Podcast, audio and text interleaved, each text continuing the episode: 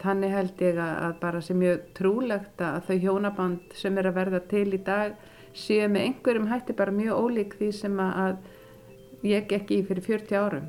Er, en, en um leið þá hefur það hjónaband alltaf verið að breytast og náttúrulega alls ekki það sama og það var þá. Þannig að ég myndi segja bara eins og annað svona menningalegt fyrirbæri þá er hjónabandi bara síbreytilegt og opið fyrir breytingum. Ég kannski, þú veist, er orðin eldri og, og vitrari og fráskilnari heldur en ég var en ég kannski trúi öðruvísi ástina. Ég held að ástin þurfi ekki að vera eilíf, ég held að ástin getur verið komið inn og út á líf okkar og, og hún getur verið fullkominn og ég er ekki hættur við að gifta mig aftur og ef það enda með skilnaði þá myndi ég algjörlega gifta mig í þriðaskipti sko. Þú getur verið með einhverjum í 5 eða 10 eða 15 eða 20 ár og það getur verið frábært og, og svo getur verið með einhverjum öðrum og það getur líka verið frábært. Ástin er staðreind, eiliðin er það ekki. Ég held að það sé bara þannig. Þú veist, ekki gera ráð fyrir eiliðinni. Ég skal gefa þér blóminn blá og boltan minn skaltu líka fá Ef þú giftist, ef þú bara giftist, ef þú giftist mér Ég skal kaupa til kökus Ég heiti Brynildur Björnsdóttir og þetta er fjórði og síðasti þátturinn í þáttaröðinni Ef þú giftist um hjónabandið. Hér á undan heyrðum við í Hannesi Sasa Pálssoni brúðkaupskipuleggjanda og Solveig og önnu Bóastóttur Guðfræðilegum siðfræðingi sem veldu fyrir sér framtíð hjónabandsins. Hrefna Fredriksdóttir, professor í hjúskaparrétti við Háskóla Íslands, hefur leitt okkur í gegnum revil stegu hjónabandsins í þessari þáttaröð og nú ætlar hún aðeins að segja okkur hvernig hún myndi mögulega sjá framtíð hjónabandsins fyrir sér.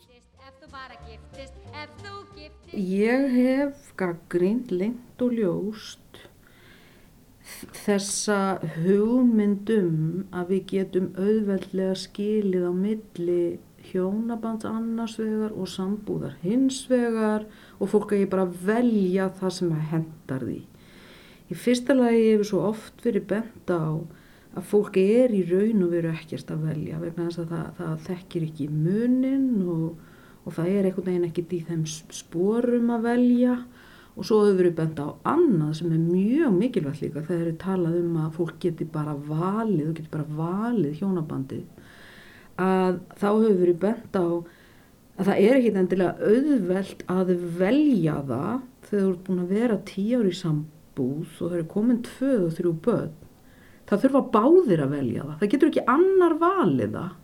Og maður sér það stundum dæmi að annar lýsir því að hann hafi margóft beðið, hinn hafi bara ekki viljað. Og þá getur maður spurt sér hvers slags valkostur er það? Næsta skrefið verður þá viljum við bara afnema alla þessar reglur, viljum við bara hver og eitt sé sjálfstæður einstaklingur og byrja bara ábyrð á sér og taki sínar ákvarðanir í sínu lífi og við erum bara enga reglur um samstöðu, skuldbendingu og neyntægi. Ég, ég held að það sé ekki farsælt og ég held að það sé ekki samræmi við það hvernig við viljum lifa lífinu. Af einhverjum ástæðum og nú ætla ég að tala kannski eins og fyrirsfræðingur ætla að lefa mig það, en ég held frá örói halda, þá virðist mannskefnan hafa sóst í þennan nána, djúpa nána félagskap við aðina mannesku. Það er eitthvað sem að einkennir parsambönd sem er öðruvísi heldur en vinasambönd eða viðskiptasambönd eða hvað nú er. Þannig að við virðumst og það er ekkert sem að sannfæri um að við séum í grunninn einhvern veginn að hverfa frá þessu. Það eru allskins vísbendingar um að við séum enn að vefja saman tilfinningu okkar og hagsmunum með þessum nána sérstaka hætti. Þannig að gott og vel, ef við viðukennum að fólk óski eftir því að kjósi að vera í svona nánum lífsamböndum, þá er ég sannfærðum og sérstaklega í þessu norræna velferðakerfi að við þurfum að hafa einhvert regluverk sem að grýpur þig á þessum erfiðu stundum.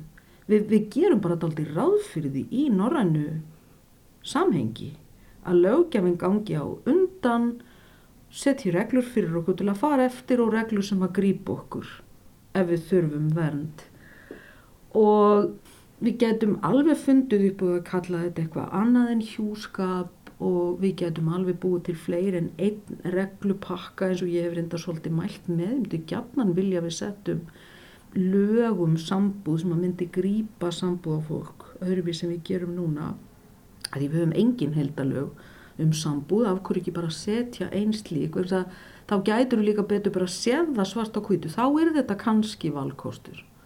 Og þá minnstakosti vernd ef þú, ef þú, ef þú valdir ekki en ég, ég hef þá bjargföstu trú að fólk muni áfram kjósa eð, eða velja eða verða þakklátt fyrir þetta regluverk sem að, sem að grýpur það og sem að býður þarna einhverja sangjarnar laust, einhvern sangjant uppgjör. Og setur líka eins og ég sagði svona ákveðna hemla getur við sagt og ég er nokkuð vissum að fólki í þessum nánu lífsamböndum því finnst þessi gagvarma framfæslu og stuðningur til dæmi sjálfsagt mál og ég er reynd ekki vissum að fólk sé svona gríðarlega sjálfstætt í fjármálum sínum í dag en svo stundum er, er haldið fram sérstaklega ekki eftir að börnin koma. Þá sjáum við náttúrulega fólk um leið byrjar að hafa einhverja verkaskiptingu sem hefur oft svolítil áhrif á hver vinnu fyrir penningum og hver gerir eitthvað annað. Þannig að, að ég held að fólk upplifið það svolítið bara sem sjálfsagðan hlut af þessu nána lífsambandi að hafa þessa samstöðu. En löggefinn hefur sannlega velt svolítið fyrir sér og maður mað sér meiri pælingar um þetta á Norðurlöndunum að hnika aðeins einhverju til.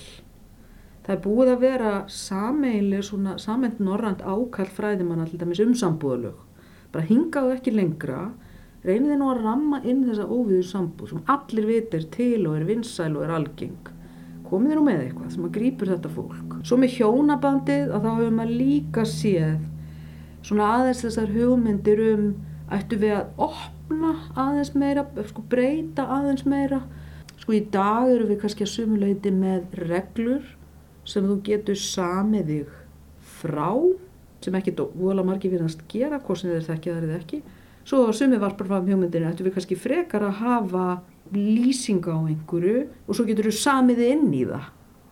Þannig að þarfst að hafa fyrir því að auka sjálfstæðið eða þarfst að hafa fyrir því að auka samstöðuna.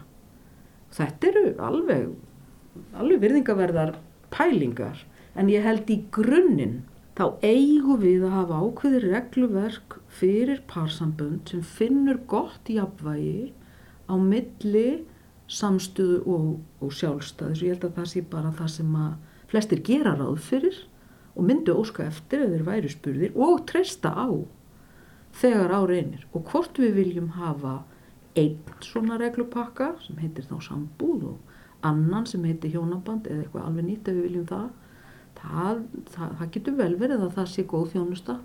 En eitthvað þurfum að hafa? Kanski bara hafa eins og þú segir sambúðareglur þar sem fólk getur samið sig inn í eða út úr mismunandi skuldbindingar ákveðum.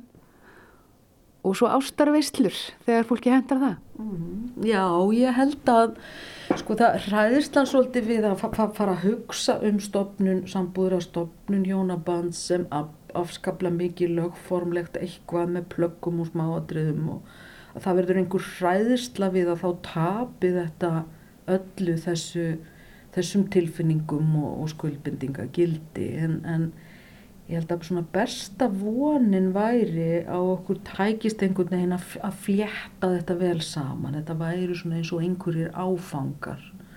Og mör, mörgum finnst bara allt tal um lagareglunar eða réttastöðuna eða réttaráhrifin, fólki finnst þetta svo fráhrindandi það er áskorun ef maður hugsaður um þetta lagalega. Það er ákveðin áskorunum hvernig maður getur flétta þessum orðum inn í eitthvað samtal og hvernig maður getur þá jáfnvel gert þá aðtöfn líka fallega eins og hún er í dag. Til dæmis bara það fólk sem að leitar til síslumannsins eftir hjónavíkslu það er aðtöfn það má skreita þess og auðvitað má klæða þessu upp á. Þá má maður semja við, við fulltrúa síslumansins um að finna þessu fallegan stað og það er ákveðin ræða, það er reynd að, að, að gera þetta að jákvæðri undistrykka þess að þetta er skuld, lögum samkvæmt er þetta skuldbinding um samstuð að vera trúr og tryggur og standa saman til læfi loka, það er bara gert ráð fyrir því sko. Mögulega ættu við að bjóða upp á einhvers konar ráðgjöf. Bara við undirbúning hjónabands þá sé sest niður með þér og það er gegnum ákveðna hluti eða spurt ákveðna spurninga, ég veit ekki alveg hvernig fólki myndi hugnast það, en það er það að gera það og svona opið og fallega, það þýðir ekki bara að setjast niður og fara að segja samkvæmt fyrstu málskrein eitthvað, fólk er ekki, er ekki að hlusta á það. En kannski svona rétt aðeins að mér skusti bjóða einhverju upplýsingar og þá getur það sko svo tengt bara fallega yfir í eins og þú segir, ímsar aðrar gleði aðtapnir sem að fólk getur gert í tilefna af þessu kost sem það gerir það sama daginn eða síðar eftir hvernig það hendar.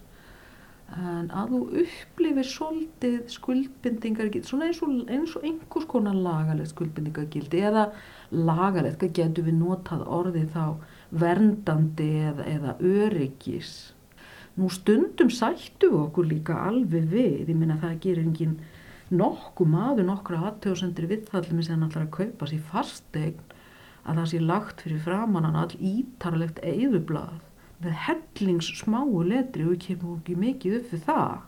Finnst bara eh, öryggi og sjálfsagt að þetta sé gert svona skriflega og farið sko rækilega í gegnum og svo er þetta skráð við vitum það svo þinglýsa þess og svona eitthvað negin að gera það eitthvað eitthvað eitthvað pínliti sjálfsagðar að þetta sé öðrum þræði samningur um réttastu eða réttar áhrif með einhverjum orðum á, á aðra höndina og svo hýna höndina náttúrulega til emni veisluhalda ef, ef maður kýr sko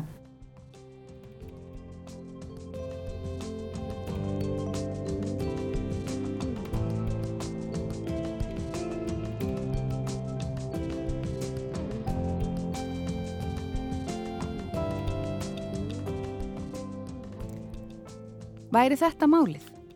Regluverk fyrir parasambönd sem myndar jafnvægi millir samstuð og sjálfstæðis sem fólk getur samið sig inn í eða frá. Og svo romantísk ástarveistla eftir að væri búið að lesa allt smáaletrið. Ættu kannski að vera fyrningar ákvæði í þessum samningi svo fólk þurfti að endur skoðan á fimm ára fresti og ákveða að endur nýja heitin frekar en að láta hlutinu bara matla. Hugsanlega. Það er allavega ekki fráleitt að það sé einhvers konar regluverk sem grýpur fólk sem ruggla saman reytum sínum. Andri Singi Jónsson Þingmaður sagði í síðasta þætti Það er engin ást í lögunum og þú þart ekki sex mánada umþóttunartíma til að koma staði hvort út ástfangin eða ekki. Hann vill láta leifa skindiskilnaði eða hraðskilnaði eins og hann kallar vegna þess að í dag eru aðeins tvær ástæður lefðar fyrir því í lögunum að fá að skilja strax en býða ekki án borðs og sængur í hálft ár. Annað hvort ef annar aðilinn verður uppvís að líkams árás sem beinist að hinum aðilanum eða börnum og heimilinu eða ef annar aðilinn játar á sig eða verður á annan hátt uppvís að því að hafa haldið framhjá annars konar alvarleg trúnaðarbrot eins og fjármála misferðli eða legar um grundvallaratriði, forsendu brestur eins og alvarlegi sjúkdómar, til dæmis geðsjúkdómar, komast greinileg ekki í hálfkvisti við það brot gegn hjúskapar sáttmálanum að sænga utan hjónabandsins eigin maður og eigin kona eigi ekkert að vera stunda kynlíf utan gamla góða frjósemisrammans sem er frá því þegar frum forsenda hjónabandsins var að sameina landskika og afkoma heilu konungsættana var undir því komin að rétta blóðið blandaðist í einum einstaklingi sem síðar geti boriða áfram.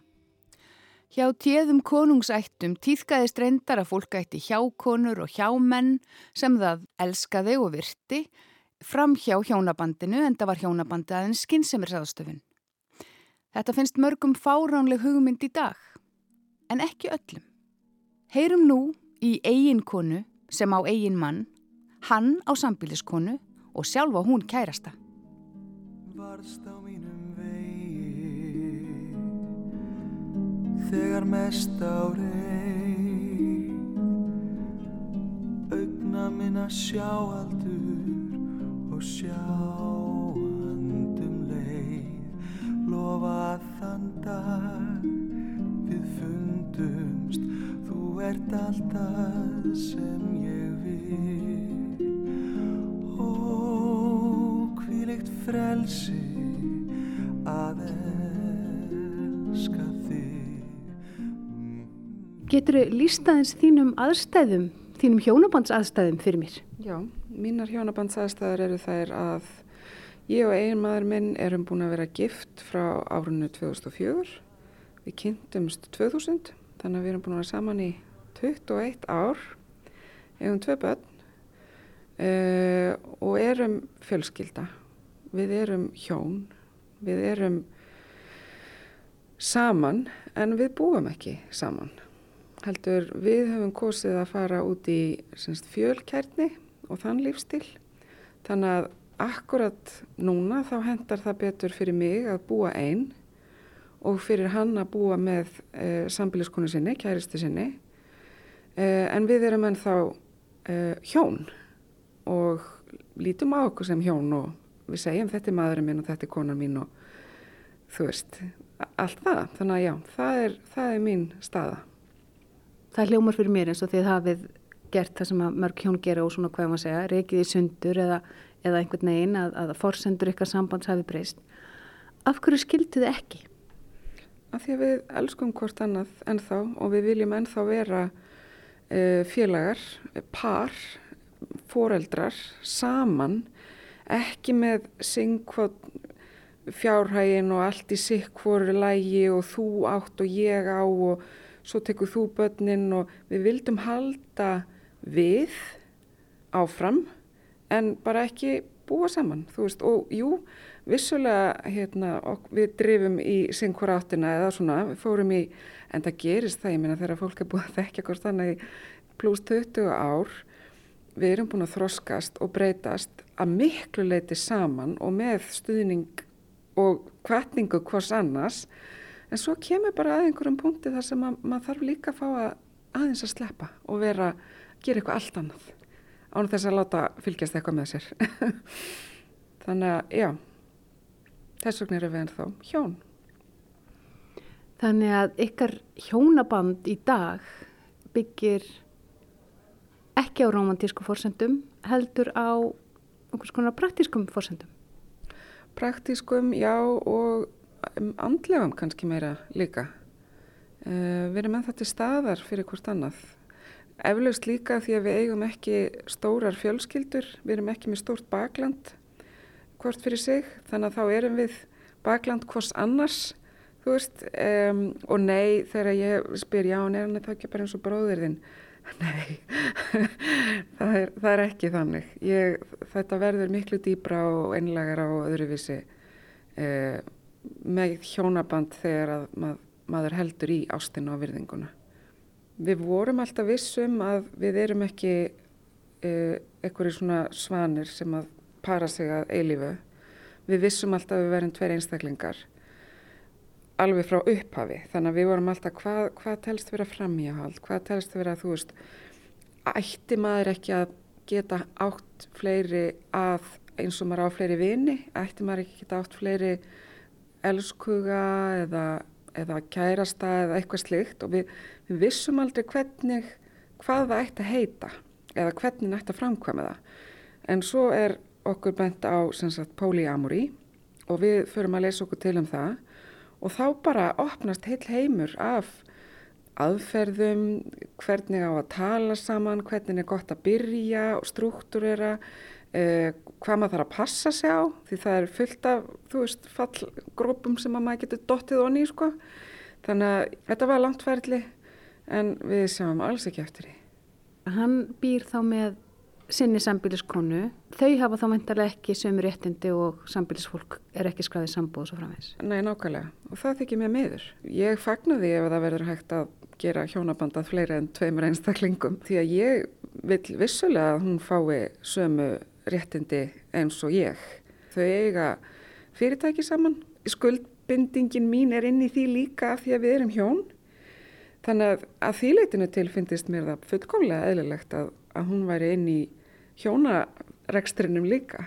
Samkvæmt alþjóðleiri könnun sem við myndumst á í fyrir þáttum sem var gerð eh, hér á Íslandi 2017 þá eh, telja Íslandingar að það að vera trúr magasínum sé eitt af því mikilvægasta sem að hægt er að vera í hjónabandi. Hvernig passar það við fjölkærni? Ég er trú maka mínum því að ég trúi honum fyrir öllu sem ég geri. Það er að vera trúr. Að vera í einkvænis sambandi, það finnst mér ekki vera samasemmerki og að vera trúr. Enda líka fólk er í einkvænis sambandi sem oft eru einn er trúr og hinn er það ekki og það er verið að ljúa og þú veist þannig að nei, ég, ég sitt ekki samasemmerki á milli þess að vera trúr og svo það að binda sig andlega líkamlega við einamanniski að eilifu. Það finnst mér bara ráðin að vera ósangjant. Þú veist, ef við eigum fleiri vini og ég minna, við kannast allir það að eiga vini, vini úr skóla, þú átt vini úr einhverju vinnu sem þú varst í, svo breytumst við og lífstæðan okkar breytist og við kynumst nýju fólki og aldrei myndum við segja, nei, ég ætla ekki að tala við þig, ég ætla ekki að fara í hádegismat með þér að því að hérna, þá er guggavinkona mín aðbreyðsum. Það er ekki rétt að hugsa þannig og mér finnst að við um ekki að hugsa þannig varðandi parasambund heldur. En þér hefist verið pláss fyrir fleiri en tvo í hjónabandi? Ekki spurning. Alveg pottitt. Eins og þetta, að skilja það að vera trúr er ekki það sama eins og halda ekki, eða þú veist, erum ekki með fleirum. Heldur að vera trúr er bara að vera að upplýsa, að segja til hvað þarf ég, nú er ég að hitta þennan, hann er að veita með þetta eða hún er að veita með þetta. Þú veist, þetta er ekki keppni heldur, við erum að deila og við erum að gera saman. Þannig að já, pottitt, svona finnst mér að, að hjónabanda ætti frekar að vera. Hvernig tekur samfélagið mót ykkur? Mjög vel. Þegar við fáum að segja frá því á okkar eiginhátt, þegar þessu ekki slegið upp sem fjölmiðla fári eitthvað staðar og, og sett með svona clickbait hérna tekstum heldur bara að við getum sagt já, heyrðu, ég, jú ég er gift en þú veist, svo ég líka kærast það og elskuga og ég er í vinnu þar sem að allir vita hver mín staða er og þeim finnst það bara skemmtileg fjölbreytni eins og hvað annað. Eins og það að fólk hefði sem er spennandi áhuga máli eða einhver sé fráskilinn og einhver á þrjú börn og annar eiga fimm. Þú veist, þetta er bara fjölbreytnin. Þannig að jú, mér finnst það samfélagið hafi tekið vel á móti þessu eins og ég segi um leið og við getum sagt sjálf frá og getum, getum svona normalisera það. Hvernig hefur þetta snúið að börnunum ykkur? Það var eiginlega erfiðasti parturinn fyrir okkur að því að við vildum ekki að þau eru hrætt um að missa okkur eða þú veist að þetta erði þetta nú komin einhver annar sem er ógn við fjölskyldun okkar. Þannig að við ákvaðum að segja frá því að þannig að heyrðu þú veist vinnur okkar og við vorum búin að kynna sagt, það fólk sem við vorum að deyta sem vini okkar, ekki vinur mömmu, heldur vinur pappa mömmu. Þannig að þá gáttum við sagt, heyrðu, þú veist þannig að vinur pappa mömmu, heyrðu, hann er líka hérna, sérstakur vinur hennar mömmu og stundum fara þau saman og þú veist, en það þýr ekki að ég og pappi elskum ekki hvort annað. Þannig að um leið og við vorum búin að, sko, yngsta barninu fannst þetta fullkonlega eðlilegt, eldra barninu fannst þetta hræðilegt því að þetta verð ekki lengur inn í einhvern svona kassa, en svo núna þegar að það bat sjálft er farið að, þú veist, uppgöta heiminn og uppgöta sjálft sig, þá er það bat meiri segja farið að tala um, já, ætli ég sé ekki póli líka. Því að fyrir hán er þetta bara fullkomlega eðlilegt. Þannig að ég, já, ég verði eiginlega meira bara stolt að því að við höfum tekið þetta skref og geta verið svo fyrirmynd fyrir okkar börn og þessa kynsluð að svona er í lægi. Af því að ef að stjúpfjölskyldur er í lægi, okkur er þetta þá ekki í lægi líka. Veist, það, er, það er jafnvel betri samgangur og, og samskipti og, og svoleiðis á milla okkar heldur en held ég ef við værum hérna, fráskilinn. Heldur að þetta hjónabandsform geti gagnast fleirum?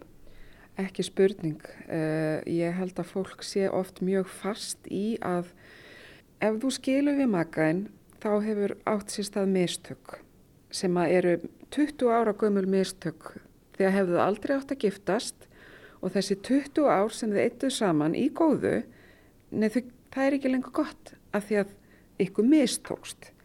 En maður getur fengið að láta þetta meira þroskast eins og það gerir en fólk viðurkennir það ekki. Fólk er jafnvel saman og eru hjón, alveg eins og ég og maðurinn minn erum hjón, en búa saman og þól ekki hvort annað, eru laung og hægt að sofa saman, eru laung og hægt að vera náinn, eru jafnvel farin að fara í taugarnar á hvert öðru, en þau ætla sko ekki að skilja. Þú veist, því að þannig gerum við ekki og við, það fólk er reyna að setja jafnvel eitthvað fordæmi fyrir börnin sín sem að mér finnst samt svo ótrúlegt af því að af hverju viltu gefa börnunniðinum þá fyrirmynd að þú getur verið óhamyggisamur en samt ekki gefist upp, samt ekki breytt til.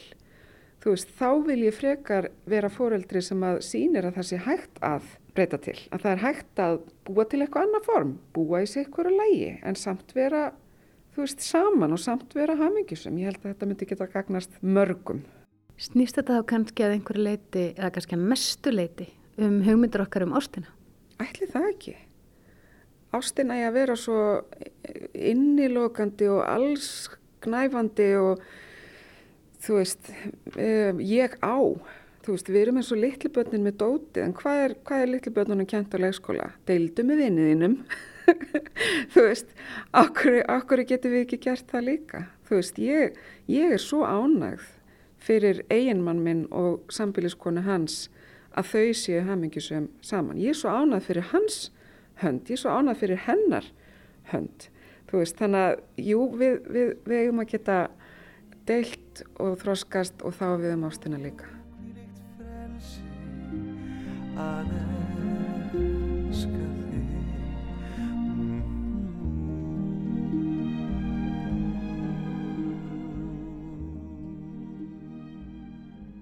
Hjónabandið sem sagt var frá áðan er ekki hefðbundið en það er sannlega stopnun en það hendar þeim hjónum mjög vel að vera þannig stopnun. Allar stopnarnir samfélagsins eru á þínu bandi þegar þú ert samfélagslega normal eining. Einn viðmælandi minn lísti því svo að hann uppliði einhvers konar samþykki eða velvild frá ofinberum aðilum eftir að hann gekk í hjónaband, samþykki sem hann hafði ekki upplifað áður. Stundum snýst hjónabandið heldur ekkert um ástina, heldur bara að vera eining, stopnun sem aðrar stopnanir virða og taka marka á. Þá er kannski alveg óþarfi að hafa ástina einhver staðar þar með.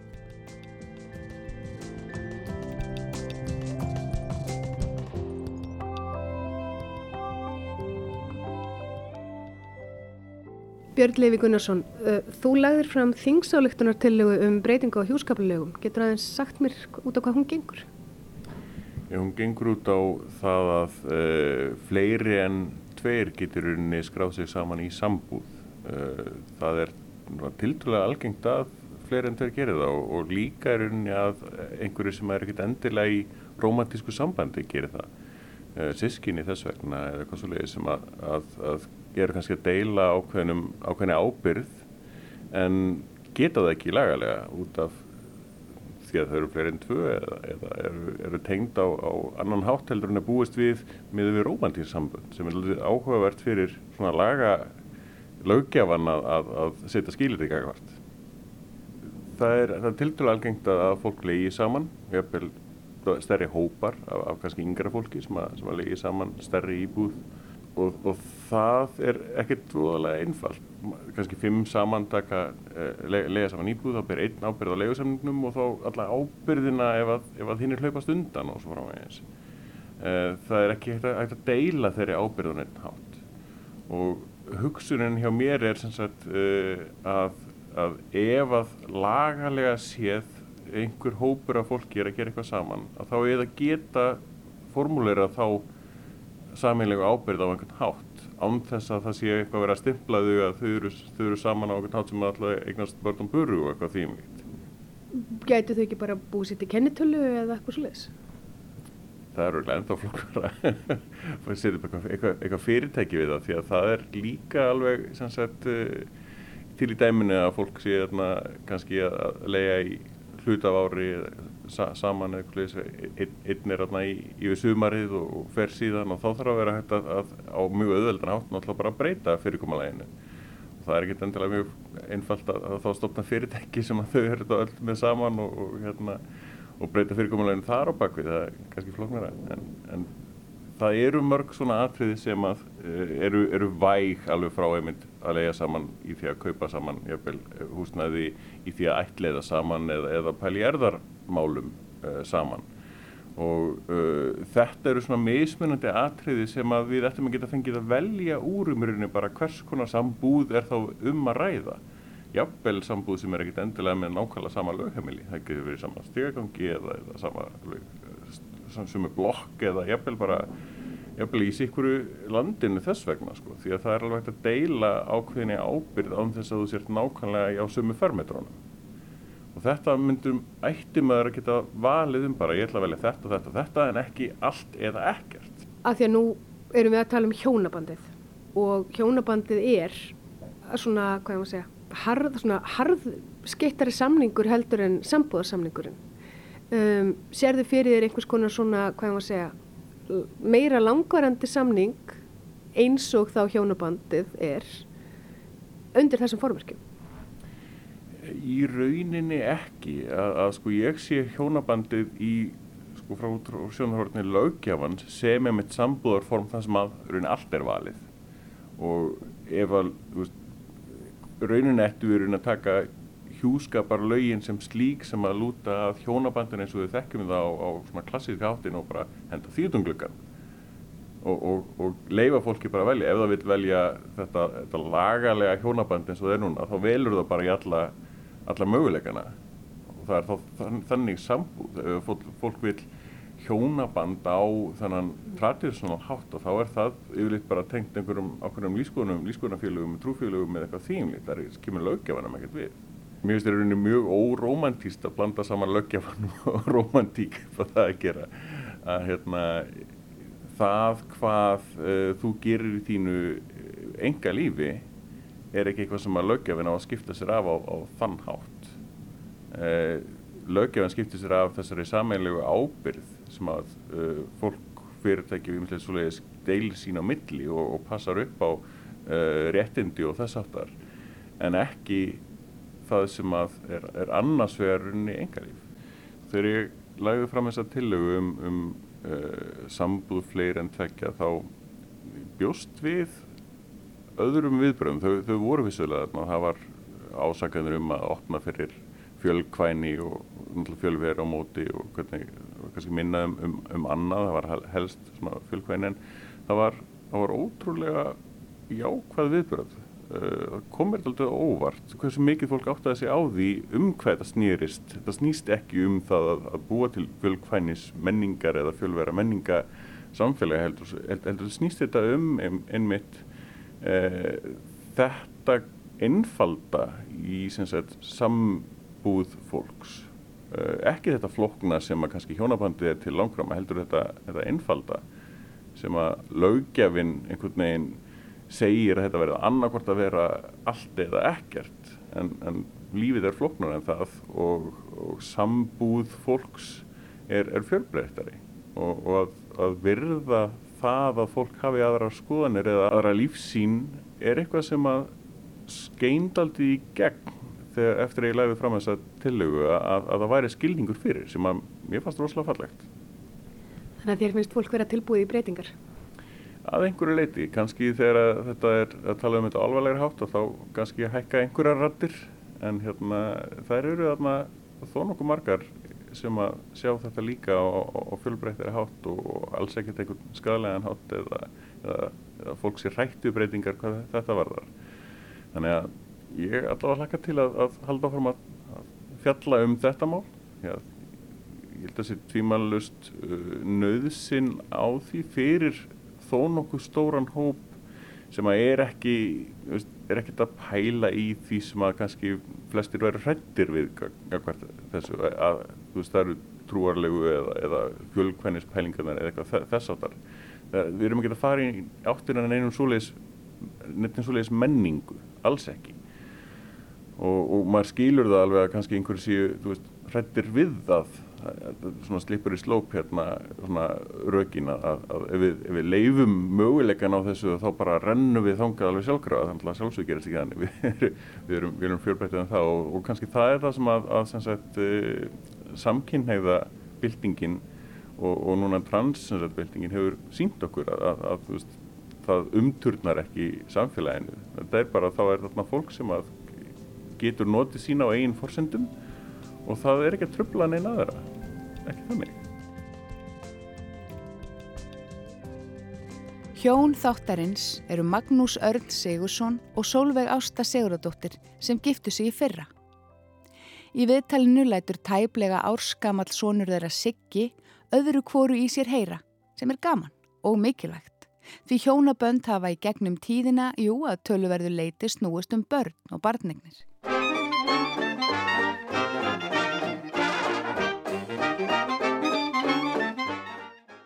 Það var alveg, alveg romantíst. Það var svona heimilislegt og romantíst, ekki kannski svona glamúr, grand romantíst. Ég, ég bakaði litla skúfuköku hjartalaga og við fórum út í garð í grænd við húsu okkar, eða íbúðun okkar í Hjústón í 35 steg að hita eða eitthvað, kakana bráðuna í einhverjum boka og, já, þetta var svona heimilislegt en samt líka romantíst og stund. Þannig að það var, það var alveg trúlófun en svo þurftu hugvísinda nefnarnir alveg nokkra daga til að hugsa í gegnum hvað þetta þýtti nú eiginlega uh, sem var kannski ekki mjög romantíst en allt í læg og bara skemmtilegt. Við höfðum meira sko farið í ringi með að ræða eignast börn og við höfum talað um það hérna fram og tilbaka og hvenar og, og hvort og allt það um, en við höfðum ekki kannski eitt miklum tíma í að tala um uh, hjónaband. Við giftum okkur sumarið 2020 og þá vorum við tiltölulega nýkomin heim frá Hjústón í Bandaríkjónum þar sem við vorum í námi. Og við höfum ætlað að gifta okkur um þetta sumar en þarna var allir einhvern heimsfaraldur þannig að við vorum eiginlega alkomin heim á hans að vita það þetta sumar og höfum ekkert farið út aftur. Um, og hluta því var að uh, þetta vor 2020 þegar COVID er komið og við vorum svona nokkuð nýbúin að aflýsa brúköpunu um sumarið. Þá, þá föttum við að við erum ólétt. Og já, ég segi aflýsa brúköpunu því að við af, aflýstum brúköpsverslu þetta sumar.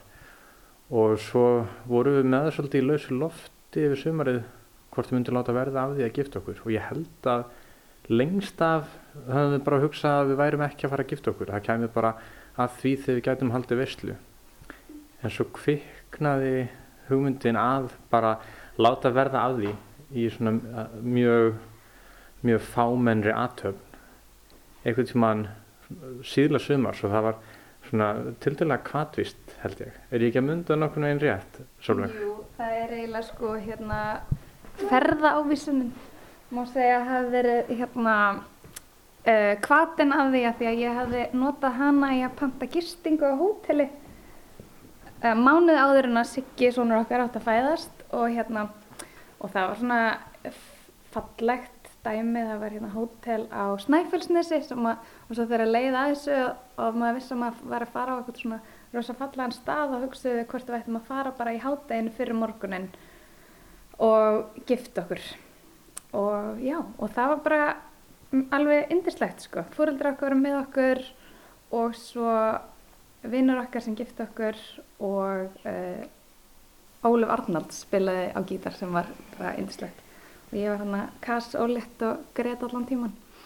Við höfum hugsað okkur að fara til Síslumanns, um, það var bæði bara uppbókað, en líka þá hugsa maður, mér fannst ekki endilega fallegast í heimið að vera eitthvað fulltrúi lagana þó sem að vera ganga inn í, í lagalega stopnun og það fannst mér það ekkert endilega það sem ég vildi heldur að vera fulltrúi lauruglunar eða, eða þannig sem að gefa mann saman frekar en um, fulltrúi kirkjunar þannig að uh, við vorum bara töluðum við mann sem við ja, vinn okkar sem að okkur þykir mikið til koma og það var fengum að vera í, í kirkjunni hjá honum.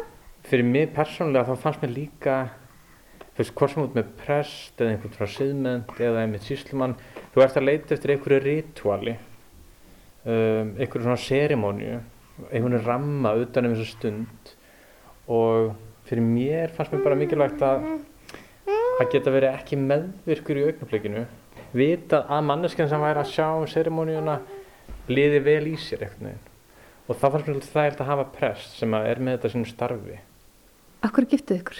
Ég veit ekki alveg hvort að við höfum endilega verið alltaf að stefna að því.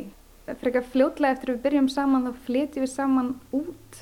Þess að þú varst byrjar að náma og ég var ekki. Mér var staðeila sko svona heila perskjaltari gjörningur eða svona áhætta einhvern veginn eða, eða þannig. Um, og við vorum búin að taka þannig nokkrar ákvarðanir þannig að um, og svo náttúrulega eignuðist við barn á sama tíma. Mann finnst allt vera svo spávægilegt í sambriðið það og það þannig sé miklu stærri skuldmynding. En allir í grunninn er þetta spurningin einmitt um svona, eilíðina og koma saman og eiga allt saman. En þeirri spurningu fyrir mitt leiti var alltaf, allavega löngu búið að svara. Eða þú veist, við vorum búin að vera lengi saman og maður er, all, maður er ekkert í svona löngu sambandi nema að geta séð fyrir sér eilíðina og geta séð fyrir sér að deila öllu með manneskinni. Þannig að það verður bara svolítið erfitt að svara spurningunni af hverju vilt form festa það og ég held að svona einlegasta svari sé kannski bara að þið langi í þessa stund, þið langi í þetta moment, um, frekar en að sé að hugsa um að það félist eitthvað galdur í mómentunni sem myndi, myndi breyta öllu sem koma eftir. Að rituali muni einhvern veginn búa til einhverja nýja tegunda ást. Ég er ekki fyrir sem að ég hef verið að leita til því, heldur meira bara að maður á eitthvað ótrúlega dýrmætt með annari mannesku og það er til hugmynd í menningunni að þið geti átt þess að ótrúlega falluðu stund sem hefur þýðingu fyrir ykkur og jú þið geti kannski alltaf litið tilbaka til.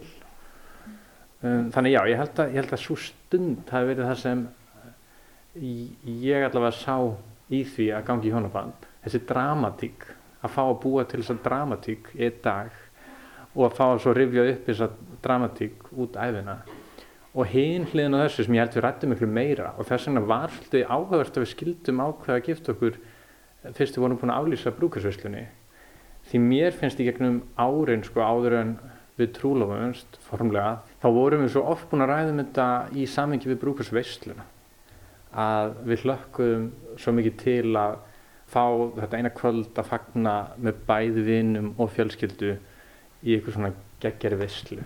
Ég held að það moment, það kvöld, að fá það kvöld, það hefur verið rosalega stór hvati líka. En þið hefðu ekki fengið það ennþá, stefnið á að eiga það?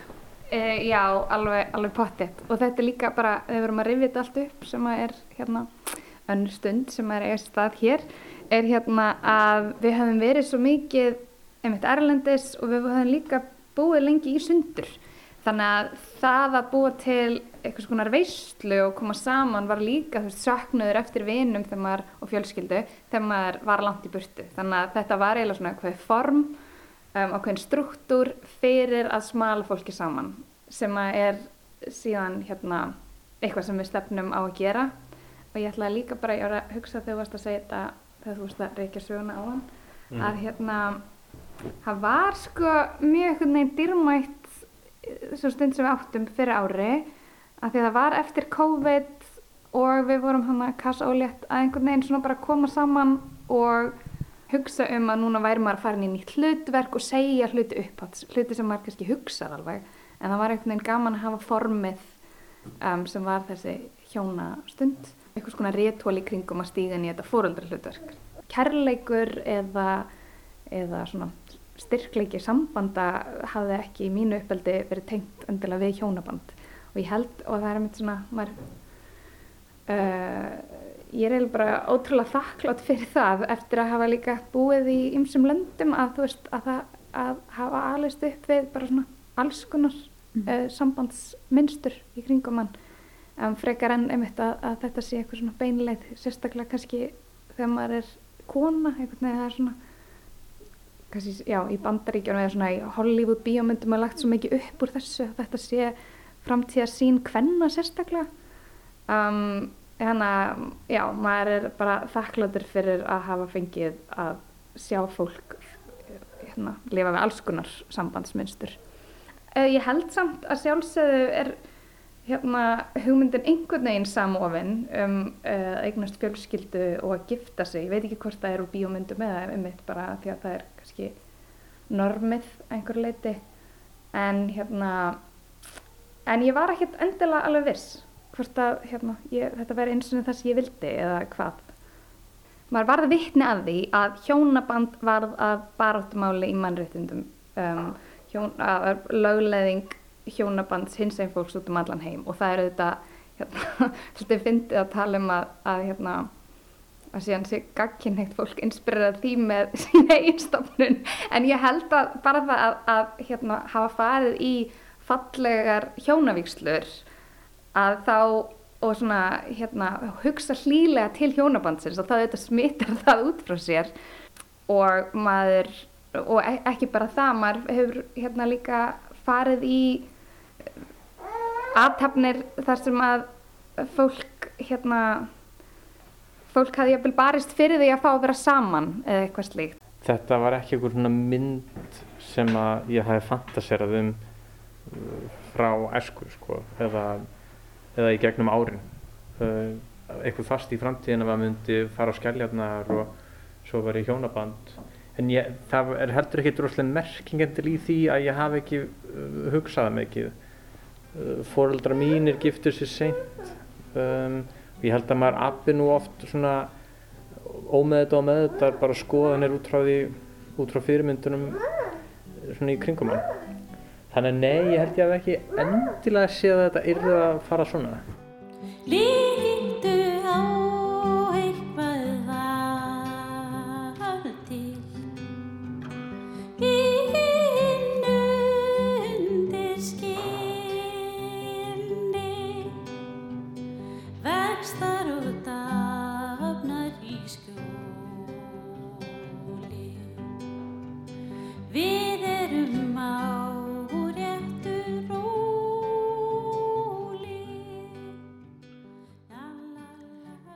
þessari þáttagerð hef ég rætt við bæði fræðafólk, lögjafans og ímissa stopnana, fólk sem hefur það að atvinnu að koma fólki í hjónaband og hjálpa því að vera þær um kyrt eða leysa það upp og fólk sem hefur reynt hjónaband á eigin skinni sem ég hef sjálf til dæmis aldrei gert. Ástæðunar sem þetta fólk gefur fyrir því að ganga í hjónaband eru fjölmargar, bæði lagalegar, samfélagslegar og tilfinningalegar, en hjónabandið er líka fullt af þversögnum. Það veitir vernd en aðalega þegar það er að gliðna í sundur eða ekki lengur til staðar. Það byggir á upphafinni romantík en er samt að rammi um hið hverstaslega, fjölskylduna og börnin. Það er lagaleg skuldbinding um óáreðanlegar tilfinningar og ef þær tilfinningar fjara út eru forsendur hjónabandsins brostnar. Það hefur verið til um aldir en hefur á undaförnum áratugum gengið í gegnum gaggerar breytingar. Það er tímaskekkja sem skiptir í raun ekki máli en samt kjósa tæplega fjögur þúsind Íslandingar að ganga í þessa nappeldu á hverju ári. Fæstir þar að vita hvað raunverulega fælst í því að gangast þessari stopnun á hönd en þó finnst öllum þeim sem það gera það í einhverjum skilningi vera skinsamlegur gjörningur í blandið alla romantíkina. Í trúlausum heimi hefur ástin að sömu leiti tekið stað trúarbræða og kannski verður þess vegna mikilvægt að staðfestan á kerfislegan hátt. Núgildandi hjúskaparlög eru frá árinu 1923 og þau voru endurskoðu síðast 1993. Það fer alveg að koma tími á nýja endurskoðun. Samkvæmt viðmælendum mínum vill fólk vera í parasamböndum og þessi parasambönd byggja ímist á ást, fjölskyldu stopnun eða eignamyndun eða þessu öllu. Og það er skinsamlegt að hafa regluverki kringum slíkt reyturót, gagvart samfélaginu og hvert öðru. En væri skinsamlegast að velja sambúð og semja sig svo inn í skuldbindingar. Það myndi krefjast þess af þeim sem ætla að stopna til hjúskapar að pæla vel og vandlega og búa til hjónaband sem hendar þeim og einmitt þeim. er sérstakt og einstakt einmitt eins og ástina á að vera. Ekki bara sami kassin utanum alla, en hvað verður þá um hefðina? Það sem upp úr stendur eftir þessa þáttagerð er það sem giftir viðmælendur hafa sagt aftur og aftur. Að brúðkaupið sjálft sé það sem er mikilvægast. Að eiga einstaka stund í minningunni, einhvers konar merki á líflínunni sem segir að einmitt þá hafi eilífðin verið í lófanum á þér. Hugmyndin um eilífa skuldbindingu, eilífa samstöðu, eilífa ást. Og þó það sé ekkert gefið í þessum heimi og sannlega ekkert eilíft, þá er eins og fólki finnist það aðeins örugara um þessa grunnþætti tilverunar ef það giftist.